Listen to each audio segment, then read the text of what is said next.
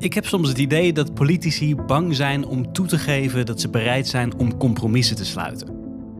Dat ze niet durven toe te geven dat ze een deel van hun standpunten bereid zijn op te geven.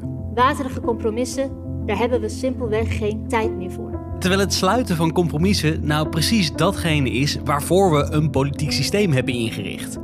Zodat mensen die het in eerste instantie niet met elkaar eens zijn, het toch eens worden. Want ja, het gewoon met elkaar oneens zijn en het daarbij laten, daar hoeven we geen heel systeem voor op te tuigen van 150 volksvertegenwoordigers in een duur gebouw. Dat, dat kunnen we zelf ook best. De meeste compromissen worden, als het goed is, gesloten tijdens de formatie. Misschien wel het meest onzichtbare stukje politiek dat we hebben. Weken, soms maanden sluiten politici zich op in kamers, landgoederen en kasteeltjes ergens in het land. En niemand weet echt precies wat zich daar nou binnen afspeelt. Ik ga proberen in deze aflevering daar toch achter te komen.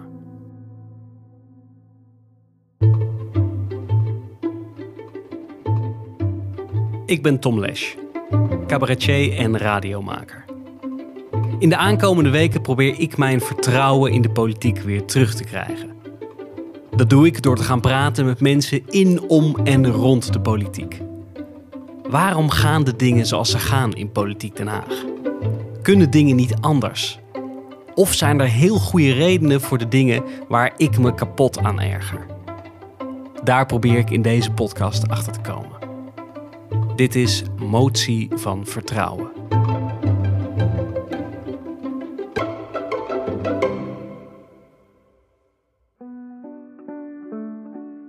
Hoe geheimzinnig zo'n formatieproces is, dat blijkt wel uit hoeveel moeite het me heeft gekost iemand die zelf bij een formatie betrokken is geweest te spreken te krijgen.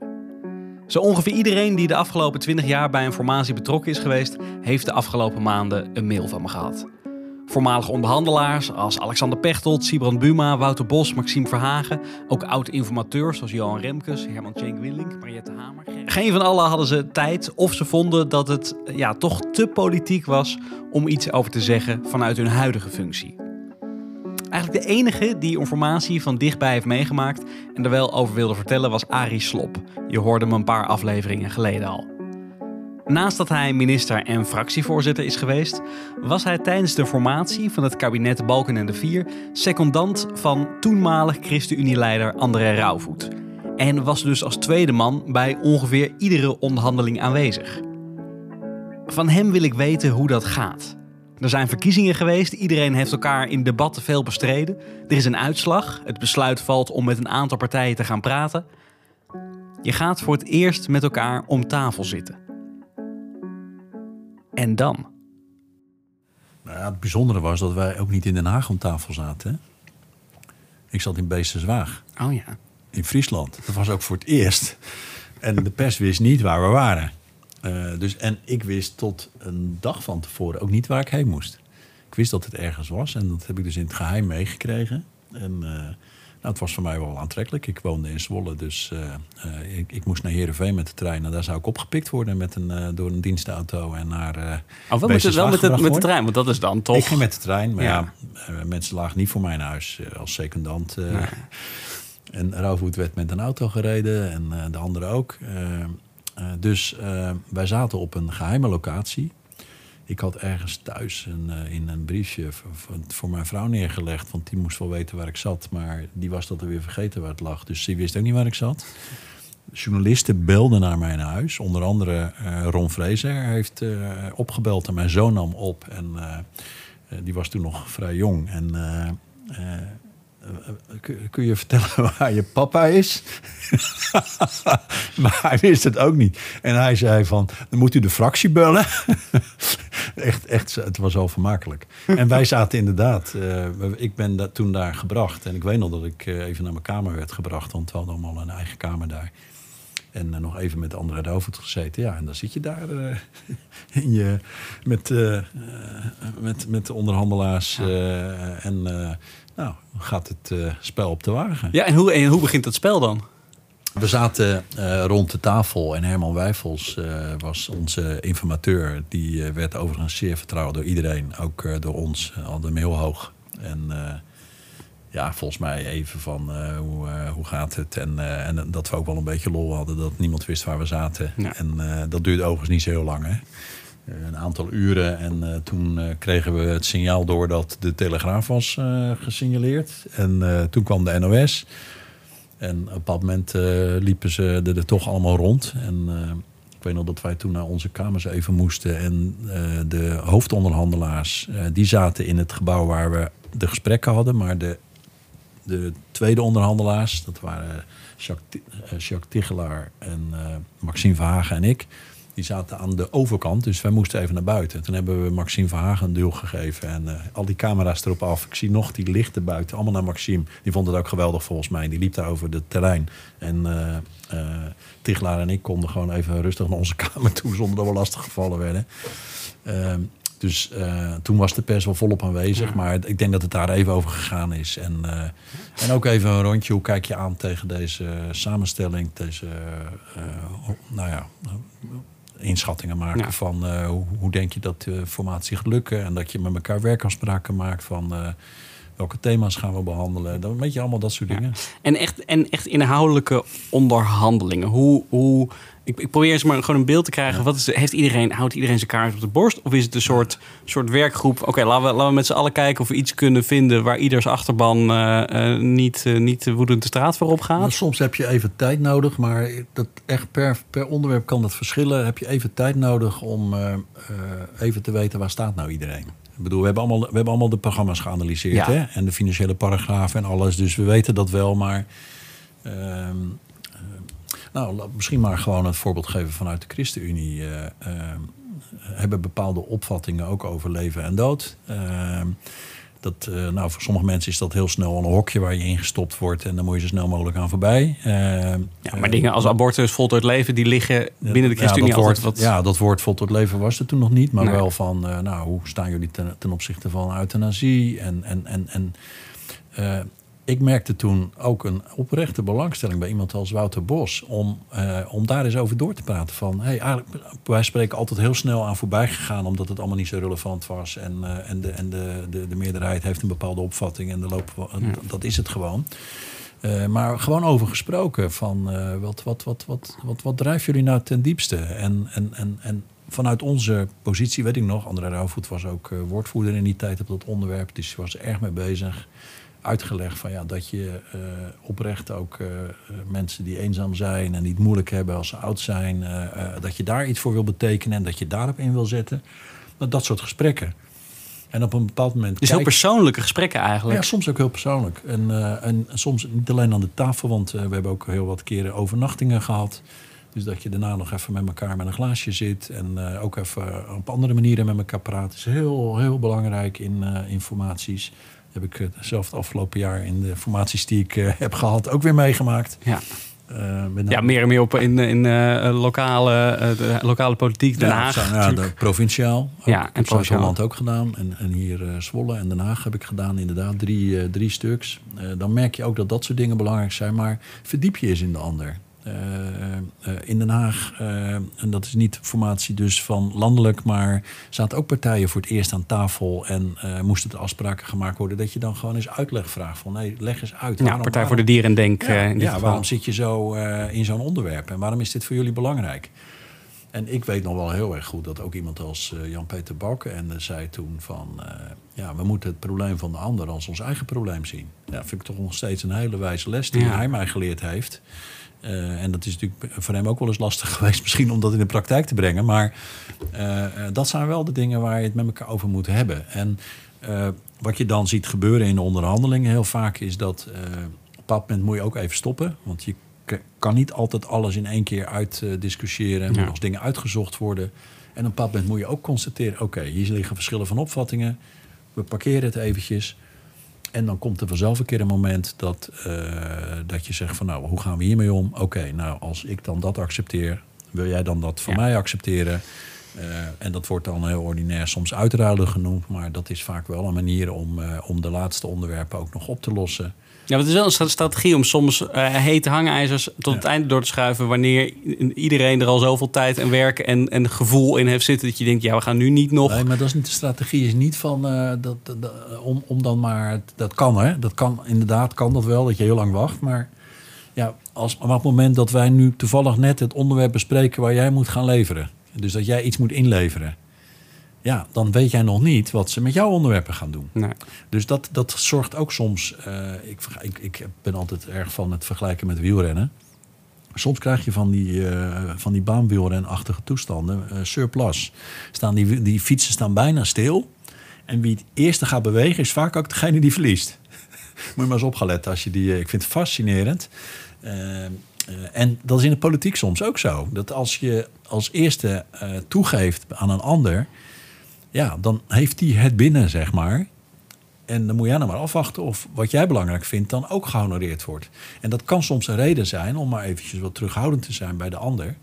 Uh, uh, maar ook een reden zijn, en ik geloof dat we het in die tijd ook zeiden van we schrijven het even op het latje. Uh, of we parkeren het even, dat soort beelden gebruik je er dan voor. Mm -hmm. Dat je dat gewoon eventjes verzamelt. Moet natuurlijk niet een te grote nee. een te grote. Nee, maar om niet de eerste te zijn die met zijn ogen knippert, zeg maar. Nee, en, en, dan zijn, uh, en, en dat je dan de zware onderwerpen bepaalt met ze. Oké, mensen, inderdaad, we zijn al lang bezig nu. Nu moeten we er wel eens een keer een klap op gaan geven. Ja. En dat je dan, uh, en dan is vaak ook een informateur degene die met de voorstellen komt. Uh, van zo zou het dan kunnen. Ik heb dat zelf in de afgelopen jaar ook een paar keer gedaan. Dat ik zelf hardop meedenk. En, en ook uh, van met, met, mensen erover praat van wat zou de brug kunnen zijn die we kunnen slaan tussen de verschillende standpunten. Ja, en, uh, die komt dan zeg maar met, met een voorstel van jongens, even, ja. als we het zo zouden doen, ja. volgens mij is dat voor jullie achterban ja. te dragen, voor jullie achterban. Uh, dit is, dit, Als we het zo, dan hebben jullie, of dat jullie een van de onderhandelaars zou doen. Ik, heb, ik weet dat ik echt heel veel respect had voor Wouter Bos, die inderdaad zich ook zo opstelde. Die dan zei: Oké, okay, dan uh, accepteer ik dit, maar dan wil ik voor jullie dat. En die dus gewoon zelf ook met voorstellen kwam om uh, de, de laatste heikele kwesties op te lossen. Ja. Uh, dat zijn wel politici waar ik dan veel respect voor heb. en en ja, dat, dat kost soms wel even tijd. De manier waarop formaties buiten het zicht worden gehouden fascineert me. Ik heb me wel eens afgevraagd wat er zou gebeuren als je juist het tegenovergestelde zou doen. Een helemaal openbare formatie. Gewoon in een zaaltje in de Tweede Kamer, camera's erop, hele dag live te volgen op Politiek 24. En ja, dan zie je misschien live op tv hoe de partij waar jij op gestemd hebt dan al op dag 1 het voor jou belangrijkste punt uit het raam gooit. Maar tegelijkertijd, dat gebeurt nu ook al. Zou je niet een veel realistischer beeld van de politiek krijgen op deze manier? En wat zou dit met het onderhandelingsproces doen? Zou dat überhaupt werken? Nou, ik denk dat het kansloos is. Uh, in die zin dat uh, je weet op het moment dat je gaat onderhandelen nog niet of je eruit gaat komen. Nee. En als jij al publiek uh, de onderwerpen die voor jou heikel zijn, wij spreken al daarop aan toegeven bent, en het gaat later niet door, uh, uh, dan, dan, dan zit je in een hele onmogelijke positie in de periode daarna. Uh, want ze, nou, A, je, je kiezers zullen het misschien niet helemaal begrijpen altijd omdat ze ook nog niet zien wat er misschien voor terugkomt. dat kan wel komen in de loop van een traject. Mm -hmm. Maar het gaat een dynamiek losmaken die denk ik niet te controleren is. En dit gaat gewoon niet werken. Je hebt wel een punt dat mensen moeten uitleggen dat wat ze uiteindelijk afgesproken hebben, dat dat niet altijd hun mening is, maar dat dat in het kader van we moeten samenwerken ook gewoon een kwestie van geven en nemen is geworden. Ja. En dat heeft de ChristenUnie heel erg geleerd. Want die, die, die formatie waar ik als onderhandelaar bij zat, hebben we misschien toch een beetje te veel het akkoord verkocht als uh, dat het onze, ook onze standpunten waren.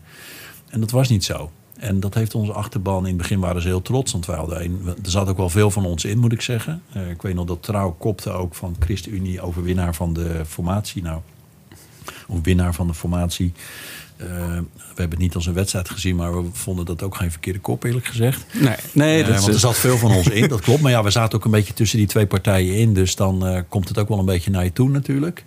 Ehm, maar ehm, toch te veel ons uh, soms vereenzelvigd met kabinetsbeleid, waardoor onze achterban dat ook niet altijd uh, begreep. En uh, nou ja, we hebben wel een tik gehad daarna. Dus een zetel ook verloren. Ehm, dat wordt niet altijd door iedereen gewaardeerd. Gert-Jan Segers, toen de tweede keer, en hij heeft het nog een keer meegemaakt, die is gewoon gaan zeggen: ja, dit is een befaamde woord een meloen. Uh, Ik geloof dat Pieter Grimwis uh, de, de bedenker daarvan was. Oh echt? Die, heeft, die is dus ja. de, de vader des meloenen doorslikken. door uh, Apple Bruins in de mond genomen. ja, niet de meloen letterlijk, maar de vergelijking. En uh, maar Gert-Jan Segers had daar echt... Uh, die zei, ik heb geleerd van die periode. Hij was toen niet uh, Kamerlid, maar van hoe we dat gedaan hebben. Mm -hmm. Ik ga gewoon vertellen van... ja, dit hebben we moeten doen, maar het is niet wat wij vinden. Maar dit, dit moeten we accepteren. Dus dan krijg je ook wel wat hoon over je heen. Maar goed, dat moet er maar even gebeuren. Maar ook nog meer uit gaan venten van... en dit hebben we wel binnengehaald. Dus ja. je had een soort zegeningenlijst uh, met onderwerpen. En, en zou dat niet kunnen als je dat... Um, uh, stel je zou wel zo'n onderhandeling openbaar doen... dat mensen dan dus ook zien... oké, okay, ze, ze geven hier nu op punt A ja. uh, terug met, met de, de ding van zeg maar... dan willen we wel graag punt B. Dat je, dat, je nee. dat... Nou, ik, ik, ik, zie het echt niet, ik zie het echt niet gebeuren. Uh, ook nu weer met de formaties die ik de afgelopen ja. uh, maanden heb gedaan. Wel, er is wel meer transparantie in het kader van gespreksverslagen en zo. Uh, dat vind ik ook goed. dus er gaat wel veel meer naar buiten dan er ooit naar buiten ging. Maar je moet gewoon wel even kunnen. Ja, het sowieso duurt het uren. Hè? Dus ik denk niet dat mensen er allemaal bij gaan zitten. Maar, nee, maar pers kan net zoals ja, met debatten. Dat, ja. dat zijn ook niet maar goed, iedereen. gaat de pers eruit pakken? En, en dat is uh, met alle respect voor, mm -hmm. voor hun werk, hè, maar die pakken er ook uit wat ze zelf uh, belangrijk uh, vinden. Dus die, nou, stel dat er een SP'er zit en die zegt, nou goed, een beetje marktwerking laat ik dan wel toe. Om maar even een voorbeeld te ja. geven. En ze zijn echt de bestrijders van de marktwerking, zeg maar. omdat met de samenstelling die daar zit, het kansloos is om voor 100% je zin te krijgen. Dus stel dat je dat dan zegt. En dat wordt gelijk een kop in de krant. En, en, uh, en het, of het komt in nieuwsuitzendingen. Uh, uh, ja. Dat, dat... Nee, ik denk, ik denk zeker. Ik denk dat het de eerste paar weken wordt het absolute chaos. Hm. Maar om, om, het, om het gedachte-experiment af te maken, zeg maar. Ja, nee, dat mag hoor. Dat, ja. dat, um, ik, ik, denk, want ik denk dat je gelijk hebt. Ik denk dat dit in de eerste drie weken gebeurt dit. Iedere dag is er een andere kop. mensen op social media gaan helemaal los. Alleen... Um, mijn, mijn hoop is dat op het moment dat je dan. Dat op een gegeven moment zal, zal dat aan alle kanten iets moeten afzwakken. Want partijen zullen misschien ook die eerste drie weken helemaal geharnast zitten. Maar op een gegeven moment moet je toch ook dingen toe gaan geven. En kijk, dit, is, dit is een ding wat alleen kan als iedereen tegelijkertijd ja, verandert. Ja. Hè? Dus, dus iedereen houdt elkaar nu in een soort, soort houtgreep dan. Alleen uiteindelijk, want het is namelijk natuurlijk wel nog steeds wat er nu in het echt ook gebeurt. Behalve dat we het niet zien. Ja, maar um, het zijn uh, soms verkenningen eerst nog. Mm -hmm. En het zijn onderhandelingen die, uh, uh, waar je gesprekken voert. Maar die moeten uiteindelijk tot een resultaat leiden. En dat resultaat wordt ook naar buiten gecommuniceerd. Ja. Ehm, dus op het moment dat je alles wat daar gezegd wordt... ook naar buiten zou brengen... ehm, ik denk toch dat mensen dan niet alles gaan zeggen... Uh, uh, het, het, gaat sowieso denk ik heel veel langer duren. Maar ik weet ook oprecht niet of het uiteindelijk het eindresultaat uh, zal gaan ja. verbeteren. En dan heb je misschien de winst dat, iedereen, dat het heel transparant is. ik vind ook dat politici transparant moeten zijn. Dus ze moeten ook uitleggen van... bij dit onderwerp hebben we dit afgesproken. mijn ideaal was dit. Dat hebben we dus niet helemaal gehaald uh, om die en die reden. Mm -hmm. uh, dat heb ik kunnen accepteren omdat ik bij een ander onderwerp uh, wel mijn zin heb gekregen. En dan bij andere dingen is het wat minder gelukt. Ja, zo gaat dat dan. Dat vind ik ook gewoon heel, heel transparant ja. naar buiten toe. En, maar dat is iets anders dan dat de, de volledige gesprekken allemaal. Nee, ik zie het gewoon echt niet gebeuren. Nee. En niet omdat ik niet voor transparantie ben, want daar ben ik wel voor. En, maar is omdat de dynamiek eromheen dan ja. zoveel invloed gaat hebben dat je het proces kapot maakt. Ja, denk, denk het wel. Ik denk dat, en dat, dan, dan krijgen we helemaal geen, uh, geen kabinetten meer. Nee. Het duurde al zo verrekte lang, uh, de laatste twee keer. Ja. Oké, okay, dus een openbare formatie ziet Arie Slop in ieder geval niet zitten. Dan kom ik terug bij wat we wel te zien krijgen in de media. Ik sprak al twee keer eerder deze podcast Ron Vrezen, voormalig politiek duider van het NOS-journaal. Ik vroeg hem ook nog hoeveel zin het nou heeft om dag na dag beelden uit te zenden van een dichte deur en twee keer per dag plukjes politici die zeggen dat ze nog niks kunnen zeggen. Ehm, nee, dat heeft niet altijd zin. En ik vind ook niet dat je dat altijd elke dag moet uitzenden. En dat gebeurt ook eh, volgens mij niet. Maar moet je het iedere dag doen überhaupt? Ja, je moet het, laat ik het zo zeggen, je moet daar wel elke dag staan. Dat je kan, wij zeggen altijd, je kan een formatie of een belangrijke politieke onderhandeling, ook al weet je dat het een kwestie van lange adem is en dagen of weken of maanden gaat duren, kan je niet uh, onbemand uh, en onbewaakt laten. Ik herinner mij bijvoorbeeld uh, de onderhandelingen in het Katshuis, dat is alweer een tijdje geleden, een jaar of elf, twaalf geleden. Uh, Wilders uh, met Rutte 1 hè, over de Mhm. bezuinigingen. En toen za- zaten ze in het katshuis, hebben ze eindeloos. En toen hebben we daar gewoon toch echt elke dag, van s morgens vroeg tot s avonds laat, als zij er ook waren, stonden wij er ook. En heel vaak zag je dan alleen maar dichte deuren of uh, geblindeerde auto's vertrekken. En uh, kon je hooguit ontdekken wie erin zat. Uh, voor de rest niks. Zag je ze binnenkomen en weggaan en Ja. niks verder.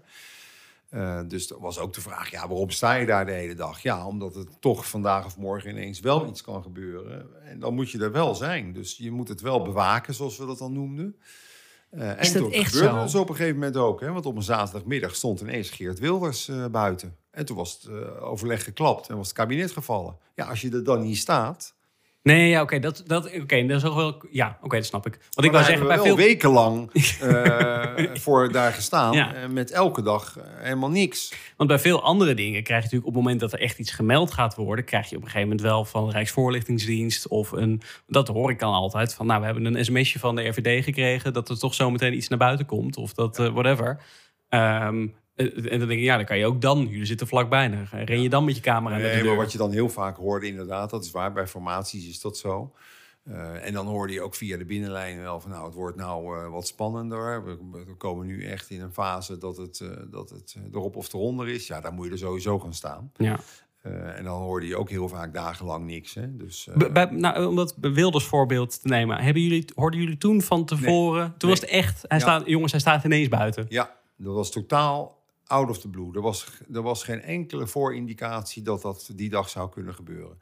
Dus daarom noem ik het ook als voorbeeld. Want ja, dat is dus. Dat, dat, dat loonde dus dat je daar dus wel gewoon altijd. En we hebben het ook inderdaad heel vaak gehad dat we dan zeiden: Nou, het staat alleen een cameraploeg. Weet je wel. Dus we gaan er niet met allemaal verslaggevers staan. Nee. En dat zo doen we een kabinetsformatie soms natuurlijk ook. Weet je, dat je niet altijd daar permanent zelf gaat staan.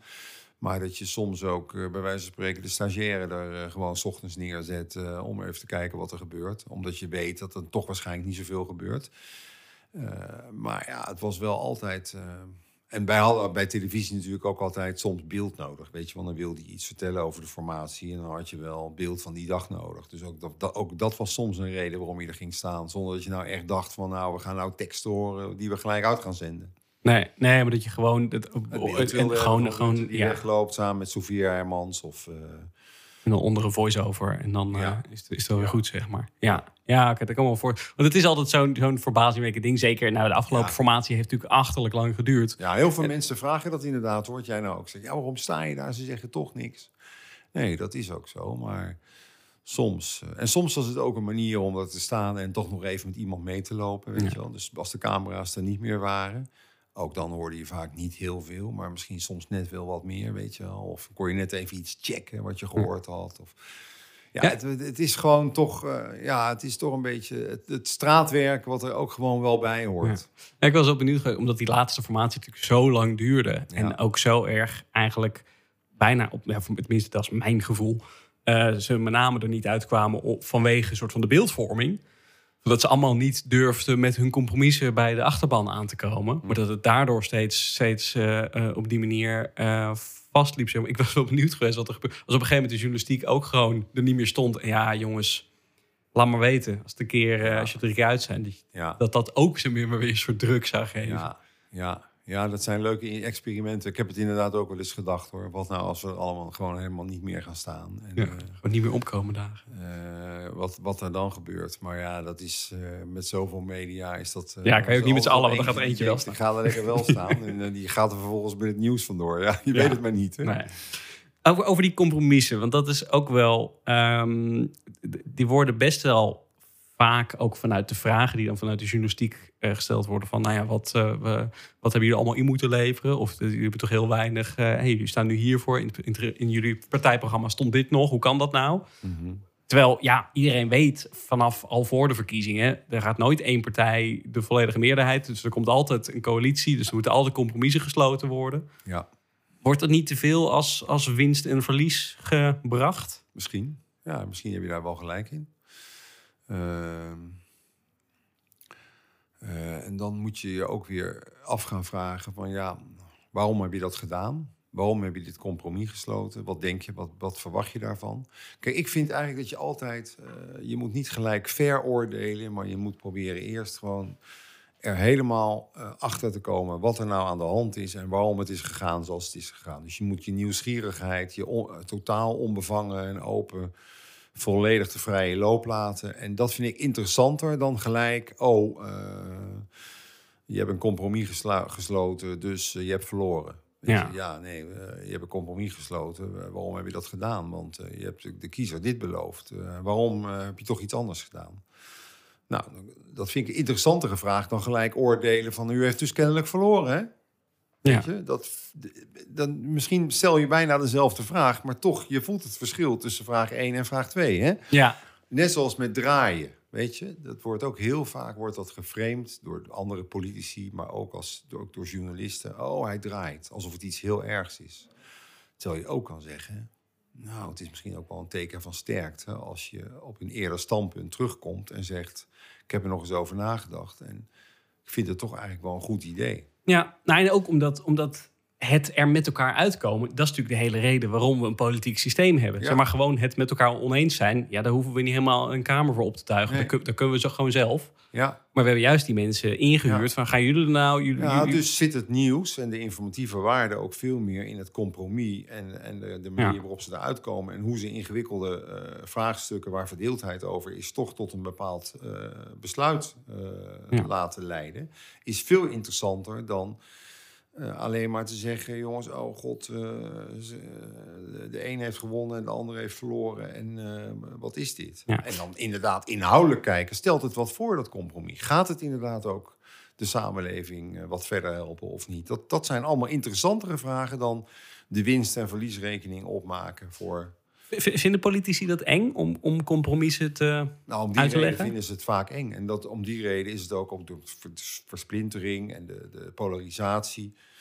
is het ook steeds moeilijker om compromissen te sluiten. Want ze zijn bang dat als ze dat doen... dat ze dan onbetrouwbaar worden geacht... of worden gezegd je hebt verloren... of je bent niet standvastig... of eh, eh, je liegt en bedriegt. Eh, daar zijn politici bang voor, ja. Ja. Heb je daar als journalistiek ook een taak in om dat toch ook voor de kijker, zeg maar... eh, Nou, ik vind dus van wel, ja. Ik vind Ja. dus dat je, dat je daar veel eh, milder, misschien, laat ik dat woord maar eens gebruiken, mee om moet gaan. En veel meer op de inhoud dan op de persoon en op de politieke situatie van dat moment. Eh, dat zou eigenlijk moeten. En als je dat doet, en als de media dat zouden doen, dan mag je hopen dat de politiek zich daar ook weer aan aanpast. En dat je misschien weer wat inhoudelijkere politiek eh, krijgt. Ja. Maar goed, dat is, eh, dat, is de ideale, dat is de idealist in Ron Vrezen die dit zegt. Nou, ik heb nog wel, eh, misschien kan ik, kan ik je nog idealistischer. ik, ik heb namelijk een soort gedachte-experiment waar ik gewoon heel benieuwd ben. Ik heb van heel veel mensen gehoord dat het een heel slecht idee zou zijn. Ik probeer erachter te komen waarom. Stel, je zou die formatie helemaal openbaar doen. Plenaire zaal, camera's erop. Iedereen kan zien welke compromissen gesloten worden. Wat daar de discussie die daaraan vooraf gegaan is. Hoe men op een gegeven moment daar samen uit is gekomen. Wat gebeurt er dan? Jeetje, wat gebeurt er dan? Denk je? Het is, het is glazen bol kijken dit. Maar nou, ik, ik, eh, het zou geweldig zijn natuurlijk. Hè. Dat voor, ja, als journalist Het zou zeker. echt geweldig zijn. Eh, als je er een soort groot spel van zou maken met feiten. Dit zijn de feiten, dit zijn de dingen, dit is het geld. eh probeer eruit te komen met elkaar. Dat mooi avondvullend programma zie je er zo in.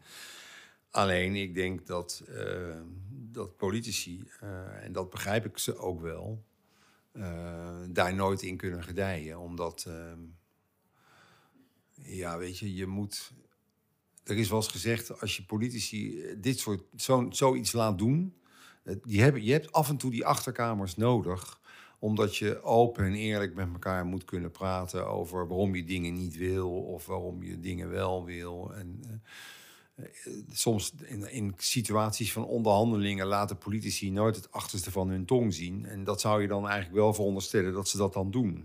Ja. Of je krijgt halfbakken dingen die. Ik denk als je zoiets doet, om nou jouw antwoord, eh, jouw vraag, jouw gedachte-experiment te volgen, dat je binnen de kortste keren ook weer achterkamertjes krijgt waar eh, een deel van het openbare debat eh, wordt voorbereid en wordt gedaan. Ja. En, en, en dat dat niet allemaal, hè, ze moeten af en toe toch ook naar de wc. Of, Nee, ja, je Dus niet schiet je opsluiten in die, in die vergaderzaal wekenlang omdat dan, dat zou ook nog een interessanter experiment zijn. Beetje zoals het, zoals het conclave bij de paus. Ja, of ja. ja Gewoon deur op eh, slot, af en toe een, een Brother, luikje eten naar binnen. Big Brother, gewoon met de partijen die het moeten doen. eh, en die laat je dan eh, acht weken lang in een, in een afgesloten huis zitten. Ja, zo'n experiment. Maar ik denk dat je dan... ja, je krijgt binnen de kortste keren politici... en dat vind ik op zich ook helemaal niet erg, weet je wel. Ik vind het helemaal niet erg dat politici ook in vertrouwen dingen met elkaar moeten spelen. Dat ze gewoon moeten kunnen zeggen... ik wil dit best wel doen, maar het ligt, dat ligt in mijn partij lastig. Dus als ik dit doe, eh, hoe kunnen we dan bijvoorbeeld dat oplossen? Ben je dan bereid om op dat punt wel mij tegemoet te komen, weet je? Dus... Een ander gedachte-experiment wat ik aan Ron voor wil leggen, is wat er zou gebeuren als politieke partijen de compromissen al voor de verkiezingen duidelijker maken. Dat iedere partij een aantal standpunten heeft die ze 100% voor elkaar moeten kunnen krijgen, willen ze in een kabinet stappen. Maar dat in het verkiezingsprogramma ook staat met welke ideeën van andere partijen ze eventueel best zouden kunnen leven. Zodat je als kiezer veel beter weet waar je aan toe bent. Dat je die dan ga je stemmen op compromissen, kunnen. zeg Ja, maar. ja, dat, dat zou je. Kijk, je zou wel, als je nou, het, als je zegt het streven is naar om meer openbaarheid te brengen in, die, in zo'n onderhandelingen, in zo'n kabinetsformatie, zou je dat soort dingen kunnen doen? Of zou je zeggen, kunnen we gaan een debat voeren met eh, de fractievoorzitters van de onderhandelende partijen? En eh, die moeten dan, maar dan, dan, dan nog krijg je, ja, is dat allemaal eerlijk en open? Of worden er dan toch nog eh, allerlei dingen achtergehouden? Dat weet je niet. Weet Nee. je? Dus, dus het blijft, dan ga je suggereren dat het, dat het allemaal heel openlijk en eerlijk is. Terwijl er toch ook weer verborgen agenda's Ja. zitten in wat je daar dan ziet. Nee, ik denk dat je het pas, pas eh, enigszins daar vertrouwen in kan krijgen op het moment dat er dus ook op die manier voor een partij helemaal niet zo gunstige dingen naar buiten komen. Ehm, kijk, als dat regelmatig gebeurt, maar dat op een gegeven moment ook wordt gezegd: ja, jongens, dat, dat, ik bedoel, dat gebeurt altijd Dat al, is maar nu zie je het alleen. waarom we- dat is precies de reden waarom er dus eh, wekenlang of, of soms maandenlang zelfs eh, eh, geen dingen naar buiten komen. Omdat er verliezers van de dag zijn, tussen aanhalingstekens. Of partijen die hebben moeten slikken. Ja. zonder dat nog duidelijk is wat ze ervoor in voor terugkrijgen. Dus eh, wat je ook heel vaak hoorde in kabinetsformaties is eh, dan eh, als ze daar niet uitkwamen, dan, dan belandde dat in een mandje. En dan zei je, ja, er zijn nog een paar onderwerpen in het mandje, weet je wel. Dus dat wordt dan voor tot het laatst bewaard. En dat zijn dan de moeilijkste, moeilijkste dingen die er nog liggen. Hè? Dus extra geld voor onderwijs of gratis kinderopvang of een verbod op abortus, weet ik veel, ik noem het maar. Eh, nou, dat bewaren we dan voor het laatst. En dat wordt dan eh, uit, dan wordt er een soort balletje, balletje uitruil. Oké, jij dat, jij dat. Ja, ook op dat. het moment En dat niemand nog wil dat, het klapt. Maar. maar dan wil ik wel dat. Oké, dan Ja. krijg jij dat. Weet je wel, dus dat is het eindspel van zo'n kabinetsformatie. Ehm, maar ik zou het bijvoorbeeld heel mooi vinden als je een kabinetsformatie zou krijgen. Die zou zeggen, nou, we gaan het in deze week gaan we het hebben over, eh, noem maar wat, justitie en veiligheid. Daar gaan we de hele week over praten. En dat zij voordat ze beginnen eh, een persconferentie geven of een debat voeren met de Kamer. Eh, jongens, hoe zit het ervoor? Wat, wat, wat, wat, is, wat, wat staat er in mijn verkiezingsprogramma? Wat staat er in jouw verkiezingsprogramma? Eh, wat zijn je ideeën om, om dat en dat te doen? Dat je een soort debat krijgt en dat ze dan daarna gaan onderhandelen. En aan het eind van zo'n week zeggen... nou, we hebben onderhandelingen gehad, we hebben dit besproken, dat besproken. Zoals het er nu uitziet, willen we het ongeveer zo en zo. Eh, maar ja, we moeten de rest ook nog doen. Het is pas af als het af is, dat snap Ja. ik ook al. Maar meer, wel meer openheid op, op on- deelonderwerpen. Ja. Waarbij je ook dan wel zegt... Natuurlijk is het niet zo dat we, eh, als we nu zeggen dat we het zo ongeveer willen aanpakken, dat het dan het ook wordt.